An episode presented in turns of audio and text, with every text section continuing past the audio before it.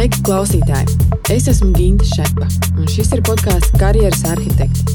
Tavs ceļvedis ar praktiskiem padomiem un metodēm darba dzīves situācijām, kad piezogas jautājums, un ko tālāk.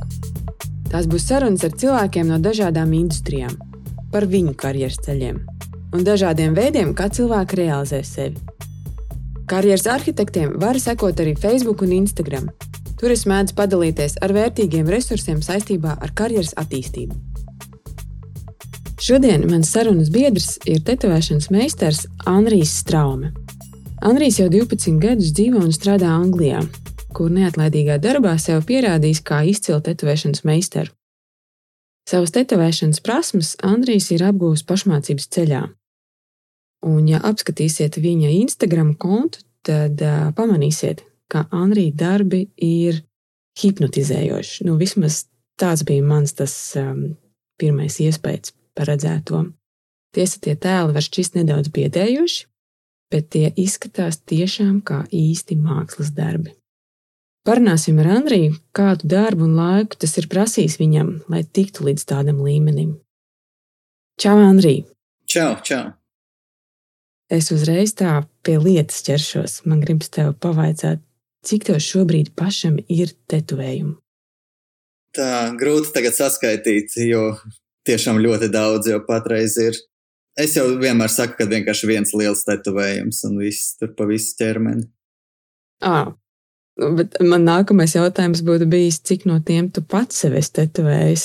Vai tā tu vari nodalīt? Pats var, jā. Um, arī grūti saskaitīt, jo tik daudz es esmu arī pats sev tetovējis, bet, nu, es domāju, kaut kādas varbūt 15, 20 pats būšu taisījis.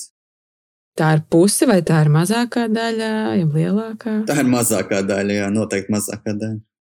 Ok, tā tad 20 ir mazākā daļa, tad, tad es tā mēģinu saprast, cik vēl ir skaitliski tā pārējā daļa. Nu, es domāju, apmēram 100 varētu būt kopā. Wow! Kaut kur tā, jā. Simts. Nu, tādi maziņi, daži jau no viņiem aizņēma vispār 20 minūtes, ne jau visi tādi baigi milzīgi. Mm. Jā. A, kā ir pašam, esot tetovēšanas meistaram, kā tu izvēlējies meistaru, kas tev taisīs tetovējumu? Nu, patreiz es vienkārši izvēlos to, kas man visvairāk pašam patīk, kā mākslinieks. Bet kā pirms tam jau es vienkārši visur, kur pagadās tetovējos, vienkārši man jau ļoti patīk tā tetovēšana. Un dabūt tetovējumus es tā baigi agrāk nemeklēju, pie kā tetovēties. Caur draugiem tetovējāmies, un tad gāju vienkārši uz kaut kādiem saloniem, kurus nemaz nezināju, kas tie pa māksliniekiem vienkārši, lai tikai tetovētos. Ļāvies, jā. jā. eksperimentiem. Un kā izsākās tavs ceļš?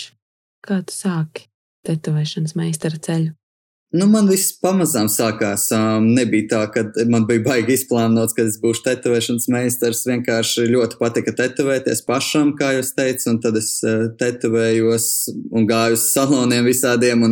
Tā arī sapazinās ar visādiem cilvēkiem, kas arī tetovēja, un tad es ar viņiem tur vairāk kaut ko uh, tusēju un tā. Un Pēc tam es arī sāku domāt, ka varbūt man pašam jāsāk tetovēt, tāpēc, ka tik ļoti man patīk tas viss, un es zīmēju jau vienmēr, jau kopš bērnības ļoti daudz. Dažus tos tetovējumus pat es pats sev zīmēju. Nu, es pats uzzīmēju tos zīmējumus, un tad es gāju uz saloniem un prasīju, vai viņi var man tādu uztetovēt. Un tad līdz ar to es kaut kā sāku jau domāt, ka, ja jau es viņus pats zīmēju, man vēl kaut kādi draugi sāka prasīt, lai es viņiem uzzīmēju arī tetovējumus, un tad es kaut kā sāku domāt, ka jāsāk vienkārši pašam tetovēt. Cik tev bija gadi? Um, kad es sāku tetovēt, man bija kaut kādi 22, varbūt, bet es jau sāku par to domāt, jau kad man bija jau kāda 18, kad es gribētu tetovēt. Vienkārši nu, ilgs ceļš bija, kamēr es sāku. Nu, labi, tu nolēmi, ka tu gribi tetovēt. Un kā, kā tas tālāk? Tu gāji uz kādu salonu, teici, klau, man šī tā lieta interesē, ļaujiet man tetovēt, vai bija kaut kā savādāk? Nu, nē, es kā uz saloniem es teicu, protams, ka man tā ļoti interesē tā lieta, bet es pats vienkārši sāku mājās tetovēt. Diemžēl, jo es tiešām to neiesaku nevienam, bet, bet kaut kā ap tiem laikiem tā informācija bija ļoti maz. Arī interneta man pašam vispār nebija pat datora nekā, un es arī nevarēju neko daudz izzināt par to visu. Tad es vienkārši sakrāju mašīnītei un nopirku vienu un sāku lēnā garā mājās tetovēt pats uz sevis, tur eksperimentēt uz kājām un tā. Un tad es arī prasīju padomus tur no kādiem pazīstamajiem, kas jau tetovēja un tā, kaut kā mācījos. Tev bija kāds elks, kam tu sekoji, kam gribēji līdzināties? Īsti nē, es domāju, nu, tetovēšanas industrijā nē, īsti nebija neviena alka, vienkārši kaut kā ļoti maz informācijas tajā laikā bija. Man tikai kaut kādi daži žurnāli bija tie tetovēšanas. Es nezināju īsti nevienu tetovētāju, izņemot dažus Latvijas tetovētājus. Nu, tā kā ļoti, ļoti minimāla informācija man par to visu bija. Kas bija tavs pirmais klients? Nu tā, kur, kuram tu beidz pirmo tetovējumu bez sevis? Vēl? Tas bija mans draugs Emīls. Tāds, un viņam arī viņa paša zīmējumu es uztetovēju uz kājas. Viņš ap to laiku pats bija sācis arī tetovēt. Tad viņš man mācīja, kā, kā tetovēt. Mēs sarunājām tā, ka viņš būs mans pir pirmais klients un pamācīs mazliet, kā tetovēt. Mm. Tavs pirmais klients un, un, un vienlaicīgi arī skolotājs, jo, kas tev mācīja. Jā, man, man, liekas, es, man liekas, es viņam arī biju pirmais klients, ka viņš sāka tetovēt, tāpēc, ka uh, man bija jau diezgan daudz tetovējumu, un viņš nopirka to mašīnīti arī, un, un viņam bija tikai, man liekas, viens vai divi tetovējumi, tad, un viņš atnāca pie manis, un viņš teica, lai es viņu mācu, kā tetovēt, un es teicu, ka es taču nezinu, bet viņš teica, ka tev vairāk tetovējumu, tad droši vien vairāk zini par to. Un tā mēs kaut kā lēnā garā sākām. Un man vienmēr ir nu, interesējis, kā var Kā var kļūt par labu tetovētāju, vai, vai pietiek ar to, ka tu labi zīmē, vai ir vēl kaut kas jāapgūst? Es domāju, ka pietiek ar to, ka tu labi zīmē. Tieši šobrīd, šobrīd es domāju, ka pietiek ar to, ka labi zīmē. Un tur ir tā, kaut ko es varētu teikt, viena no lielākajām problēmām, ka tetovēšanas industrijā ļoti daudz cilvēki, kas nemāk zīmēt, bet grib tetovēt, un tad viņi sāk tetovēt, nemākot zīmēt, un tad, tad ir baigās briesmas tur vienmēr. Tā kā es domāju, ja, ja ir ļoti labs mākslinieks pats par sevi, vienalga vai nu tu glezno, vai nu tu tur zīmē, jebko ar, nu, jebkāds mākslinieks, un es domāju, tetovēšana padotos diezgan viegli. Tad arī vienkārši nu, jā, jāapmācās mazliet, kā tur viss darīt, bet galvenais ir tā būt māksliniekam. A, kur tu esi apguvis nu, tādu izkopis to zīmēšanas prasmi? Varbūt mākslas skolā gāja? Es negāju īsti specializētā mākslas skolā. Es tur ma mazliet gāju tā kā kur, nu, tā kā skolā, kurā bija arī mākslas novirziens, bet tur neko daudz arī neiemācījos. Un man tas viss vienkārši pašmācības ceļā, vienkārši neatlaidīgi zīmējot un strādājot. Tā kaut kā mm. atnāca līdz manim. Nu, kas bija tavs pirmais, ja pirmā studija, kurā tu dabūji darbu? Un cik viegli vai grūti tev bija vispār pieteikt sev kā tetovēšanas mākslinieku? Jā, pirmā studija nebija ļoti grūti pieteikt man, jo es atbraucu tieši pārvācos uz Angliju, un to, ko es biju tur mājās satatavējis, tā kā man bija tāds tā kā portfolio ar tiem darbiem, kādus es apmēram taisu. Un tad, eh, tad es gāju apkārt studijām ar to te un prasīju darbu, un uh, viena no pirmajām studijām īstenībā teica, ka, ka viņi varētu man paņemt kā mācekli, jo viņiem nav īsti vakances, nu, tieši tetovētājiem, bet ja es gribētu pa, nāk palīdzēt tur, tad varētu viņi apmācīt mani vairāk un tā. Tad es to pirmo darbu gan arī uzreiz dabūju, bet es sāku tetovēt tajā salonā tikai pēc kāda varbūt pusgada, es tur pusgadu gāju un slaucīju grīdas un palīdzēju viņiem un tādas lietas darīju. Tev vismaz samaksāja par, arī par to darbiņu? Nē, par to tur īsti nemaksāja. Nē, tas ir tā kā nu, tā ir tā kā apprenticeship saucās, tā kā mā, mācības. Un tas tā ļoti, tā, tagad vienīgais gan arī veids, kā dabūt tetovēšanu, ir, ja tu kaut kādā salonā tiec tā kā māceklis, un tad tu apmācies palēnām, un tad, tad tu vari sākt tetovēt pats ar laiku. A kā, a kā tu izdzīvoji? Tev taču tomēr vajadzēja arī, nu, nezinu, sevi uzturēt. Nu, jā, nu, tur jau baigā, baigā izdzīvošana jau man tur nebija. Tur tāds ar draugiem kaut ko es vēl tur mājās šo to vai lai tā sanāktu bišķiņu samaksāt rēķinus un tā. Nebija nekāda labā dzīve tur tad. Mm. A, kā tu pats raksturo savu stilu? Kas ir, nu, jā, tavs stils, ko tu tetovē? Mm. Patreiz es tetovēju tā kā Es nezinu, es pat latviešu nezinu, kā to nosaukt. Nu, tā kā šausmu tādā stilā, un es izmantoju arī uh, burtu elementus visādus. Un uh, malbaltais šausmu stils, varētu tā teikt. Jā, šausmas es tur pamanīju. Tie tēli ir tādi, ka nu, var nobīties, bet uh, vienlaicīgi man tā kā es skatījos vienu, otru, trešo, un man bišķiņi bija tāda jā, hipnotizējoša sajūta skatoties tiem tēliem. Kas ir tava iedvesma? Kur tu iedvesmojies radot šos tēlus? Parasti jau viss tas nāk naturāli no tā, kas dzīvē ir uh, redzēts, un kuras es redzēju citos māksliniekos, vai filmās, vai mūzikā kaut ko. Vai, nu, viss kaut kur tā iedvesma radās. Vienkārši tā kā es pat īsti nemācīšu pateikt, vienkārši kaut kā ņem baltu papīru, un kad tu sāc jau kaut ko zīmēt, radīt, kaut kas jau iet tālāk un tālāk, un jau, jau notiek. Bet tagad, kad es tos eh, tetovējumus savus, piemēram, taisu, tad jau man uzreiz ir eh, klientiem uzreiz ir kaut kādas, nu, idejas, ko viņi grib, un tad jau tur tās iedvesmas maz, jo viņiem jau ir tās idejas, un tad man vienkārši viņas ir jāuztaisa pa savam stilam, un tas jau atkal viegli tā sanāk, jo es jau zinu, kā es viņu apmēram redzu. Tieši gribēju vaicāt, cik tev bieži ļauj klienti tetovēt to, ko tu vēlēsies, Vai, vai drīzāk ir tā, ka viņi atnāk ar savu jau vīziju kaut kādu, un tev ir vienkārši jāieliec tajā? Parasti jau viņi tagad nāk jau ar savām vīzijām, jo tas jau tomēr ir tā kā tetovējums, tur kaut kā tomēr ir tās idejas, ko viņi grib paši uz savu ķermeņa jau uzreiz e, realizēt. Um, ir dažreiz, kad man saka, ka es varu tetovēt, ko es gribu, bet pēc manas pieredzes parasti viņi vienalga atsakās beigās, kad viņi dzird to, ko es gribu tetovēt, tad viņiem tomēr nepatīk tās idejas. Jo man liekas, ka parasti, kad viņi saka man, uh, nu, tetovē kaut ko, ko tu gribi, viņi kaut kā domā, ka es tetovēšu kaut ko ļoti līdzīgu, kā mans tas uh, viss, nu, kā man visi darbi ir. Bet parasti man tāda lielāka brīvība ir, es jau kaut ko gribu radīt tādu, ko nav citi redzējuši nekādu, un tad atkal tad cilvēki baidās kaut ko tādu, ko citi nav redzējuši.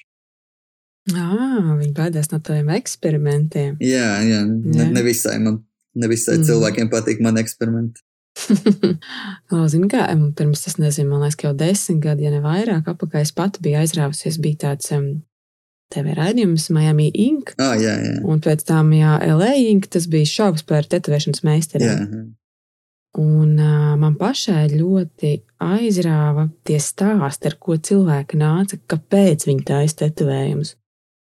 Un tur bieži vien bija kaut kādi dzīves notikumi, ko cilvēks grib atcerēties, nu, tā lai viņam paliek kaut kāds simbols. Un, um, un tad es tā aizdomājos arī par to, ka tetovēšanas meistars kaut kādā mērā uz to brīdi arī, nezinu, klientam ir kā terapeits. Vai tu kādreiz esi jūties kā terapeits savā darbā? Jā, es domāju, noteikti, jo tāpēc, ka man ar klientu jāpavada ir gandrīz visa diena, kaut kādas 6, 7 stundas, un, protams, mēs runājam par dzīvi ar viņiem, visu kaut ko, un par pārdzīvojumiem, un par to, kā, kādēļ viņi izvēlās to tetovējumu. Bet, lai, lai gan man šobrīd vairāk tie klienti tādi jauni cilvēki ir, kas vienkārši grib, lai forši izskatītos. Viņiem nav tādas baigās dziļās domas tiem tetovējumiem. Um, tas bija varbūt senāk, kad es strādāju tādā uh, parastajā salonā no, no ielas, kad nāca cilvēki iekšā, un tad viņiem bija vairāk, viņi tā kā vairāk gatavojās tiem tetovējumiem un vairāk bija pārdomājuši, ko viņi grib, un tad tie stāsti tādi dziļāki bija. Bet patreiz ļoti reti, ka kādam ir kaut kāda baigā doma tam tetovējumam, vienkārši grib smukas bildes. Vai tev ir kāds spilgts eh, tāds notikums, nezinu, ar ko, kas tev palicis spilgt atmiņā, kāpēc cilvēks ir izvēlējies tetovējumu? Tā godīgi jādomā, baigi. Man nav tā atmiņā nekas, bet kaut ko es varētu varbūt atcerēties, bet nav nekas tāds ļoti spilgts. Mm. Kas ir ilgākais laiks, ko tu esi veltījis vienam tetovējumam? Tas būs apmēram 9 stundu sēnes, bija lielākais laiks. Es domāju, pārāk. No vietas. Jā, nu, nu ir jau tur apst, pa, nu, pauzes kaut kādas, kaut ko padzerties un stolet aiziet, bet, nu jā, apmēram 9 stundas tā, kad no vietas tetovē. Tas taču ir fiziski grūti, man liekas, ne? Ir ļoti grūti, jā. Tad visu laiku vienā pauzē. Nu, klientam jau ir grūtāk nekā man, protams. Es jau vēl kaut ko kustos un tā bet klientam ir ļoti grūti, jo tur tās sāpes visas nāk un tā. Es esmu dzirdējis, ka tetovēšanas meistari dodas arī nu, tādās kā tūrēs uz citām valstīm, uz citiem saloniem. Vai tu to dari? Jā, es esmu braukājis pa visādām konvencijām, visādās valstīs arī. Jā. Un uz citiem saloniem ar kā viesustrādnieks esmu strādājis. Es esmu pat Rīgā pat strādājis, arī atbraucis uz dažām nedēļām. Tā. Tā, tā, jā, tas tā diezgan populāri, ja, ja tev ir, ja tev tie tā kā fani, var teikt, vai ne fani, vai tie, kas grib tetovēties, ir ļoti daudz pa visu pasauli, tad jau var braukāt vis kaut kur. Un, ko tu esi novērojis, teiksim, vai arī tā tetovēšanas mode atšķirās, eh, kaut kādas kultūras iezīmes to, to nosaka. Man atkal grūti to pateikt, tāpēc, ka pie manis jau tetovējās uzreiz tie, kas tieši grib to, ko es tetovēju. Tāpēc ļoti maz es tā novēroju, es kaut kādas kultūras. Nu, piemēram, Latvijā, es domāju, nu, ar ko tipisks ir tāds Latvijas ar saviem tetovējumiem. Tev ir? Es nezinu, man jau arī, ja, ja, ja es tetovēju kādu latviešu, tad viņš noteikti gribēs kaut ko tādu šausmīgu, tā kā es taisu. Tā kā atkal es nezināšu, kā tiešām ir. Nu, ir tā, ka valstīs, kurās tā tetovēšana ir vairāk attīstīta, tur arī ir ļoti daudz vairāk cilvēki notetovēti un tā daudz tā kā brīvāka tā izvēle ar tiem tetovējumiem. Tā klientiem tā kā daudz vairāk visādi traku ideju ir.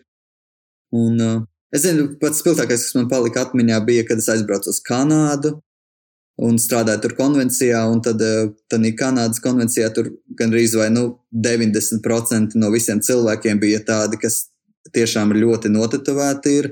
Un arī izskatījās tā, ka viņi ir metāla mūzika klausās. Nu, tād, nu, ļoti tāds eh, underground, tāds panka scēna, tāda tur daudz lielāka ir nekā, piemēram, šeit Eiropā, jo šeit Eiropā tā tetovēšana jau ir kļuvusi tāda tā kā baigā, tā kā populāra diezgan, un visi tā kā tetovējās pēc kārtas, bet tur, piemēram, tad Kanādā vēl aizvien, man, man vismaz ļoti likās, ka tas ir vēl aizvien tāds diezgan tikai priekš tādiem galīgi trakiem cilvēkiem, varētu tā kā pateikt. Uh, jā, tu man uzvedināji uz jautājumu. Um, tu pats teici, ja, ka tev ir nu, apmēram simts tetovējumu um, uz tava ķermeņa. Vai tu esi saskāries um, sabiedrībā, kad uz tevi skatās, varbūt tiešām kā uz tādu nu, traku, underground, nezinu, tādu trakulīgu cilvēku, ja nezinu, vecāku gadu gājumu cilvēku, varbūt nosodoši. Nu, noteikti, jā. Es kaut ko tādu piedzīvoju. Es domāju, tas man visu mūžu ir bijis. Jau kopš jau man bija 14 gadi. Es jau atceros, es jau kaut kādas matus tur trakus taisīju, un es biju liels Merlina Mansona fans. Un es kleitā staigāju ar melniem, melnām nokrāsotām lūpām un melniem nagiem. Un līdz ar to uzreiz jau cilvēki jau tad tur bļaustījās vecās vecens tur un teica, ka izsauks trako, nu, trako namu, lai man savāc un tādas visādas lietas jau. Un tad jau es tā kā pieradu pie tā visa no tiem laikiem. Vienmēr visi kaut ko rāda ar pirkstu un visu kaut ko tādu dara. Um, tagad man arī uz sejas ir tetovējums, un tad, kad mēs ceļojam, tad ir tā, ka dažās valstīs vairāk cilvēki skatās virsū nekā citās. Piemēram, šeit Anglijā gandrīz vispār neviens neskatās virsū uz to, ka tev ir kaut kāda tetovējuma vai uz sejas vai kaut kur. Bet, piemēram, kad ceļo vairāk jau tādā pašā Latvijā vai Polijā vai kaut kur, tur jau atkal ar pirkstiem rāda virsū. Nu, tā. Nu, visādi ir, jā. Par klientiem es domāju, vai kas ir tie cilvēki, kas, um, kas tā aiztētavējums izvēlās? Vai vairāk tie ir tādi radošo profesiju, industriju pārstāvji, vai tam nav tik daudz, tas, tas, tas nav to saistīts. Es domāju, vai arī ir nu, tādi nopietni biznesa cilvēki, kuriem ir kaut kāda interese, vajadzība, viņš grib to tetovējumu, un arī tādi ir pie tevis.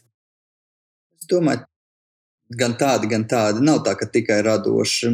Nu, tā kā es teicu iepriekš, ka man ļoti daudz jauniešu tieši ir, kas grib tetovējumus. Tas tāpēc, ka man liekas, jaunieši vairāk laika pavada internetā, un viņi vairāk saskatās visu kaut ko, un viņiem tā kā interesē kaut ko tādu trakāku uztaisīt.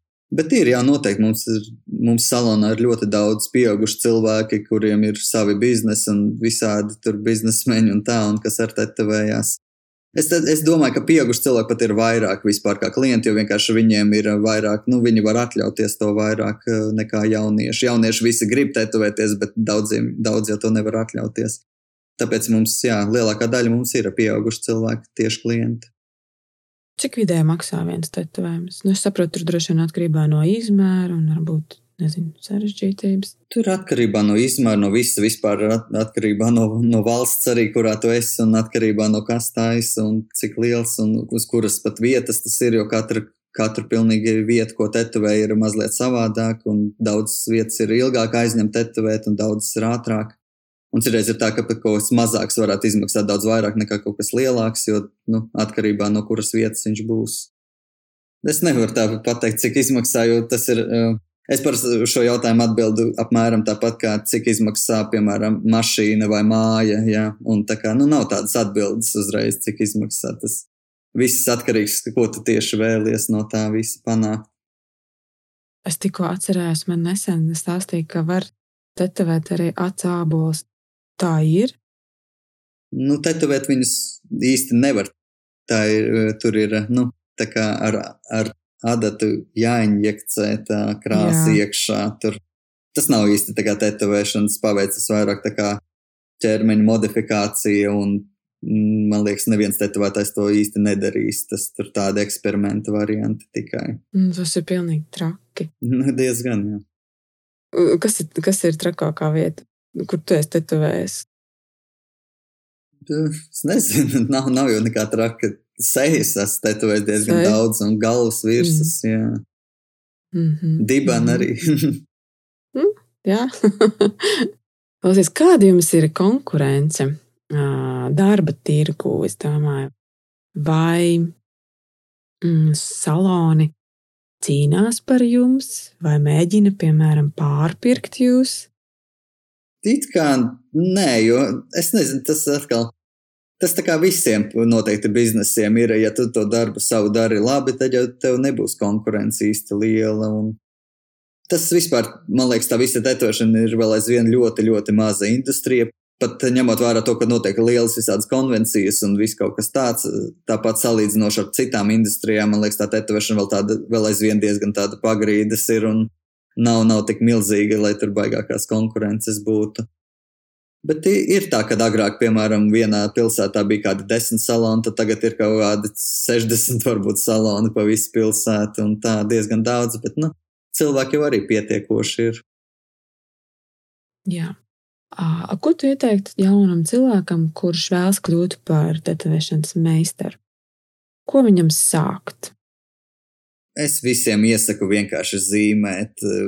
Vienīgais, ko darīt, ir zīmēt un mācīties kaut kādas zīmēšanas kursus, iet un vispār gandrīz vai nedomāt par tetovēšanu. Galvenais vienkārši koncentrēties uz to, lai paliktu ļoti labs mākslinieks, jebkurā pilnīgi tā kā, nu, jebkurā mīdījumā, tā kā vai nu tur vai ļoti labi zīmēt skices, vai tieši glaznot, vai jebko pilnīgi darīt, kas ir ļoti kā, māksliniecisks. Un tā, kad jau ir tā kad jau jūs būsiet ļoti labs e, kā, mākslinieks pats par sevi, tad jau varēs arī mierīgi dabūt e, mācekli kaut kādā salonā, varēs dabūt mācekļu to pozīciju. Tad, principā, es varu ar saviem zīmējumiem, visu, ko esmu zīmējusi, izveidot savu portfolio, iet Jā. uz salonu, rādīt un, un teikt, pieņemiet mani darbā. Jā, es domāju, ka jā, Jā, tas būtu tas pats galvenais.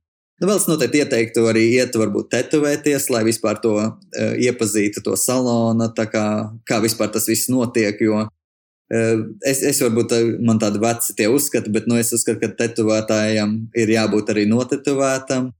Tagad tā vairs nav gan, ja, jo visādi jaunieši, kas bez tetovējumiem jau sāk tetovēt, arī jo viņi vienkārši ļoti labi mākslinieki ir un viņi vienkārši sāk tetovēt, kuriem pat nav pašiem tetovējumu. Un es uzskatu, ka tā nevajadzētu. Man jau liekas, ka tev sākumā arī jāiet tetovēties, lai tu vispār sap, nu, saproti, kas tas ir vispār, tā visa kultūra un tā. Okay, tā tad labāk uh, uz sevi to piedzīvot vispirms. pirms klientam. Ja? Nu, jā, es, es, jā, es domāju, noteikti, ja sākumā ļoti labi zīmēt un arī iet tetovēties. Jo, ja jau tiešām tu, tev gribās kļūt par tetovēšanas mākslinieku, tad es uzskatu, ka jā, tev nu, jāpatīk tetovējumiem pašam sev arī. Un tad jau jā, jātetovējas arī. Kam tu tici? Talantam vai darbam? Es ticu tikai darbam, jā, jo es uzskatu, ka man vispār nav talanta nekāda. Nu, paskatoties uz taviem zīmējumiem šobrīd, nu, šķiet, ka tev ir talants. Tā tik liekas. Visi jau piedzimst vienādi. Un nekāda talanta smagi strādā. Pilnīgi visur, man liekas, kas visi, kas kaut ko sasniedz, ir smagi strādājuši. Ir varbūt kaut kāds fototalants. Es atceros, mums skolā pat bija tā, ka cilvēki vienkārši nenormāli labi zīmē, jo viņi kaut kā redz to savādāk mazliet. Viņam tā foto atmiņa ir, kas saucās, un ka viņi vienkārši ierauga kaut ko, un viņi jau proporcijas visas pilnīgi perfekti zina. Tādā ziņā tas varētu būt talants, bet man tāda nav pašam. Es vispār neko nesaprotu. Un es tik smagi strādāju un zīmēju, tik neatlaidīgi. Tu esi izkopis savu talantu izveidojis. Gan jau, jā. Mm. Tev ir kādi plāni atgriezties Latvijā kaut kad? Mm. Es domāju, ka jā, var, varbūt nevis atgriezties pavisam dzīvot, bet es noteikti braukšu biežāk tur uz vasaru sevišķi un tā, mēs, mēs bijām tagad pusvasaru Latvijā arī ar ģimeni un tad mums ļoti patika tur, tad mēs domājam brauksim biežāk. To, kad esi Latvijā, to arī tetovē? Pagaidām nē, bet var jau būt, ka nākotnē arī mazliet patetovēšu, jo visi jau prasa ļoti, bet kaut kā man, ja es braucu uz turieni, tad gribās atpūsties mazliet no tās tetovēšanas. Nu jā, atpūt arī svarīga lieta. Nu, brīnišķīgi, Andrija. Lielisks, lielisks tavs stāsts. Man jāsaka milzīgs paldies, ka tu biji gatavs padalīties.